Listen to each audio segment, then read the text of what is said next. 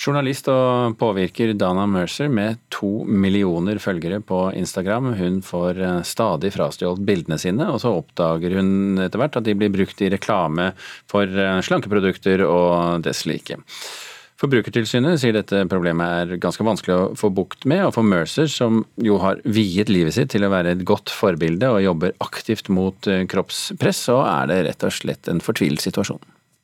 Drag my feet along du har kanskje sett reklame for slankeprodukt eller kremer som skal fjerne cellulitter eller strekkmerker, og kanskje tenkt at dette stemmer ikke. Men har du tenkt over hva som kanskje ligger bak et slikt bilde? Hi. Dette er Denay Mercer. How's Norway? Is it snowy?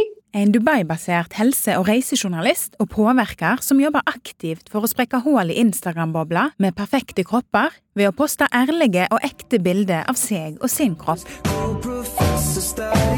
Hun opplever stadig oftere at bildene hennes blir stjålne og brukt i falsk markedsføring. A lot of my images talk cellulite because I, I cellulite, but I also know how to hide my cellulite. And if you stand in the shade and if you pose a certain way, my body doesn't show cellulite. Mercer har, som rundt 80% av alle verdens kvinner, cellulitter på rumpe og lår.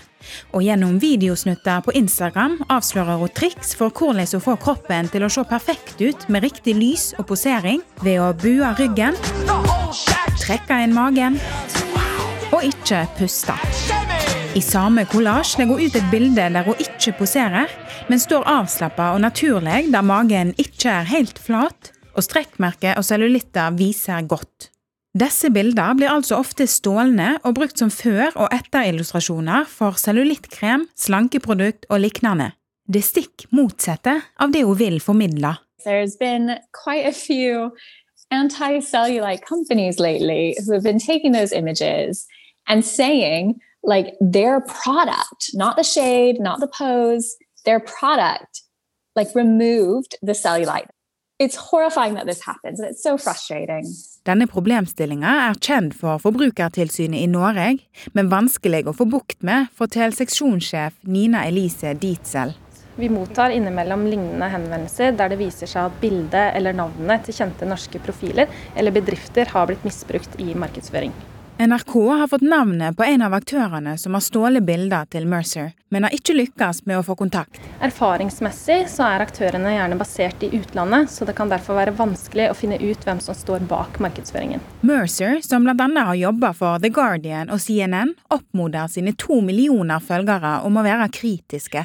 So the internet's a bit wild west, and so this happens all the time, and all all we can do, I, I think one of the main responsibilities we have is just to educate, like just to say, don't instinctively trust that cellulite cream. Don't instinctively trust that weight loss product because for all you know, they're stealing. They're stealing and they're stealing and they're twisting the message and they're trying to get your money.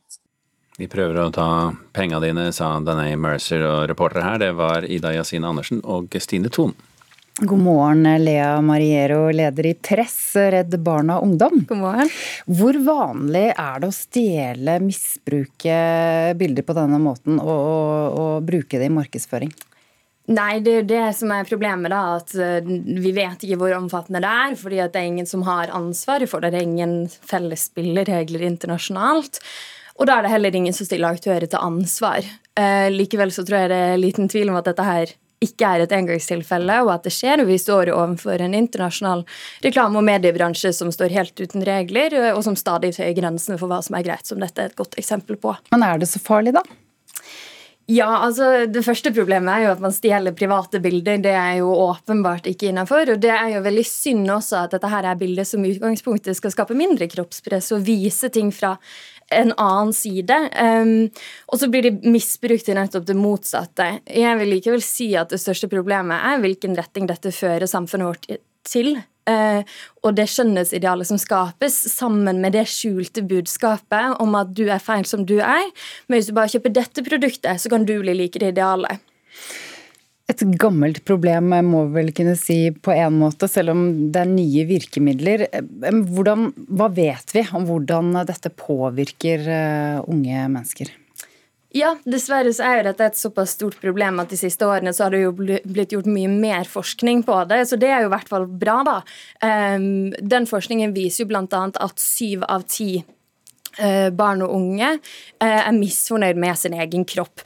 Eh, vi ser også antydninger til trender hvor det er mer og mer normalisert å benytte seg av kosmetiske inngrep og kosmetiske behandlinger, som vi også ser på som veldig problematisk.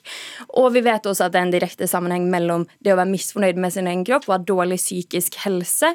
I tillegg som det er veldig mange barn og unge som rapporterer at man føler seg dårligere etter å ha brukt sosiale medier. Uh, og da ser vi jo at denne type markedsføring er direkte skadelig for barn og unge. Men så vet vi også at veldig mange unge er veldig bevisste på dette problemet, og at de også er gode i sosiale medier og, og bruk av, uh, av nett. Mm. Er det ikke mange som klarer å se at dette faktisk er falskt?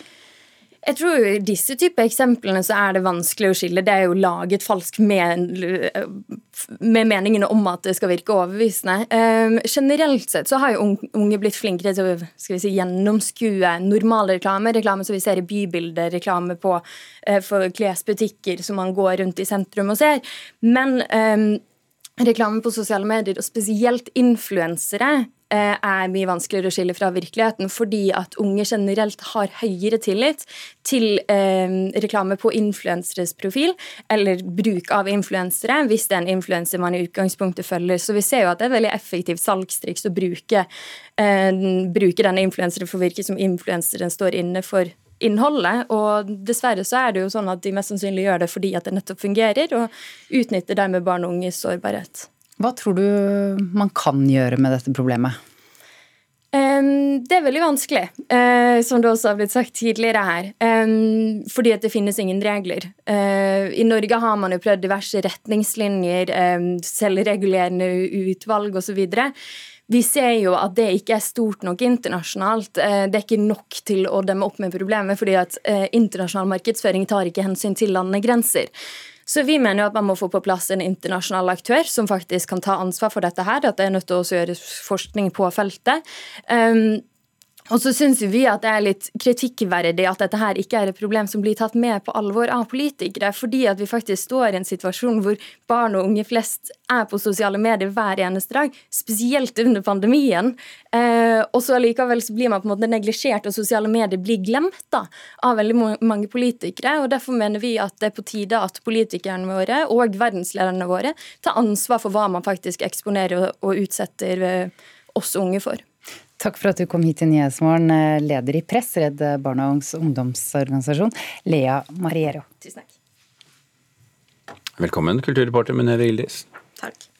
Det er fortsatt uklart hvordan festivaler og konserter skal gjennomføres i sommer, men eh, du har en gladnyhet fra en av dem. Ja, det har jeg absolutt.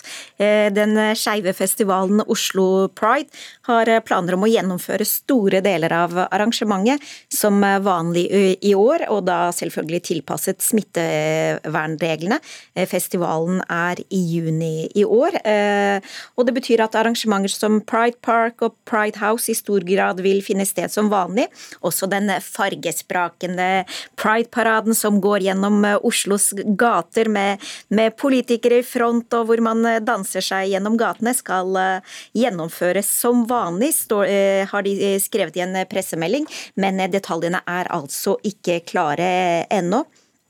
Eh, I fjor så ble festivalen som veldig mye annet gjennomført eh, digitalt, og festivalledelsen sier at de også vil satse på slike arrangementer eh, på nett i år. De mener at situasjonen for mennesker som bryter med normene for kjønn og seksualitet er fortsatt svært krevende i mange land, som f.eks. Polen og Tsjetsjenia, og de mener at digital tilstedeværelse bidrar til å belyse nettopp denne problematikken. Punktum for det temaet. Over til eh, Bernie Sanders, eh, som eh, viss, eh, viss, popularitet, for å si det sånn, har blitt god butikk? Ja, det kan man eh, si. Eh, som de fleste fikk med seg ved innsettelsen av president Joe Biden, så, så fikk man se en sammenkrøket Bernie Sanders i et hjørne med armene og bena i kors med munnbind. Den 79 år gamle senatoren var ikledd en brungrønn parkas og hjemmestrikkede votter. Den vottene ble en stor snakkis på internett, og oppskriften har vel mange nå prøvd prøvd seg på, vil jeg anta.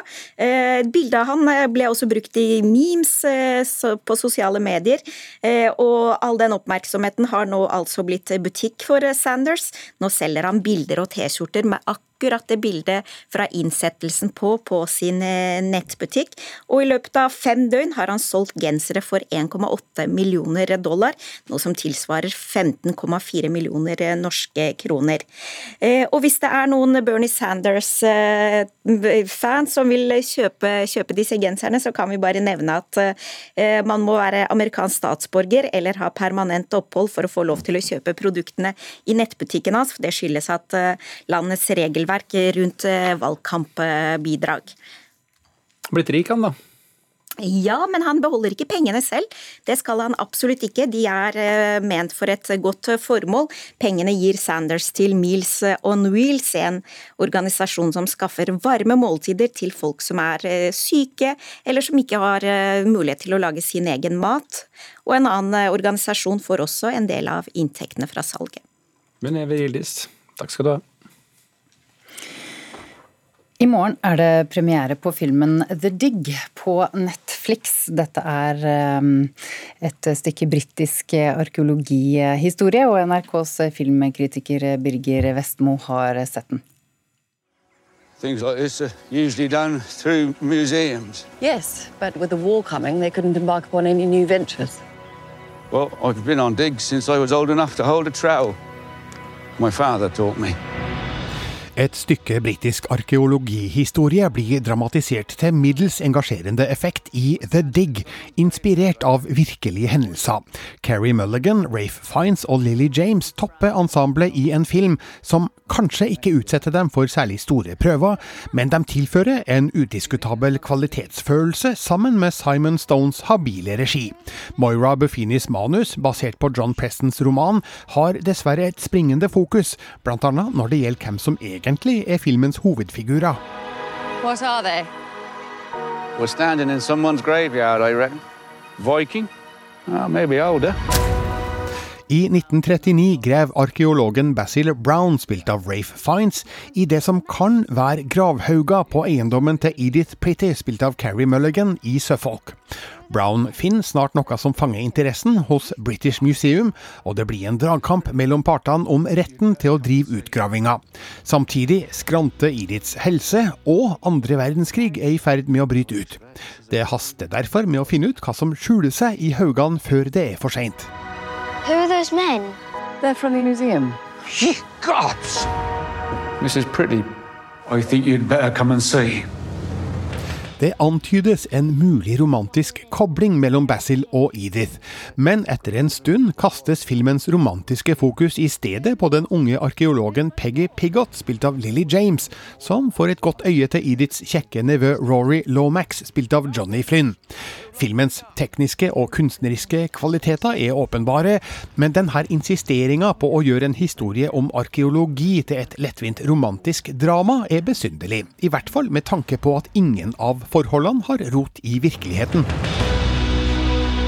Why would anyone want to bury a ship? I would expect this is a grave of a, a warrior or a king. But there's more. There's much more. The Dig er absolutt gangbar underholdning, men kun vært enda bedre om filmskaperne hadde turt å stole på at den sentrale tematikken var sterk nok i seg sjøl. Utover spenninga som er forbundet med sjølve utgravinga, kun filmen spilt mer på figurenes funderinger om hvordan fortida snakker til oss, og undring over hvilke spor som vil være igjen etter oss om tusen år. Det er mer fascinerende enn konstruert romantikk. You say the word and I'll dig. Terningkast fire.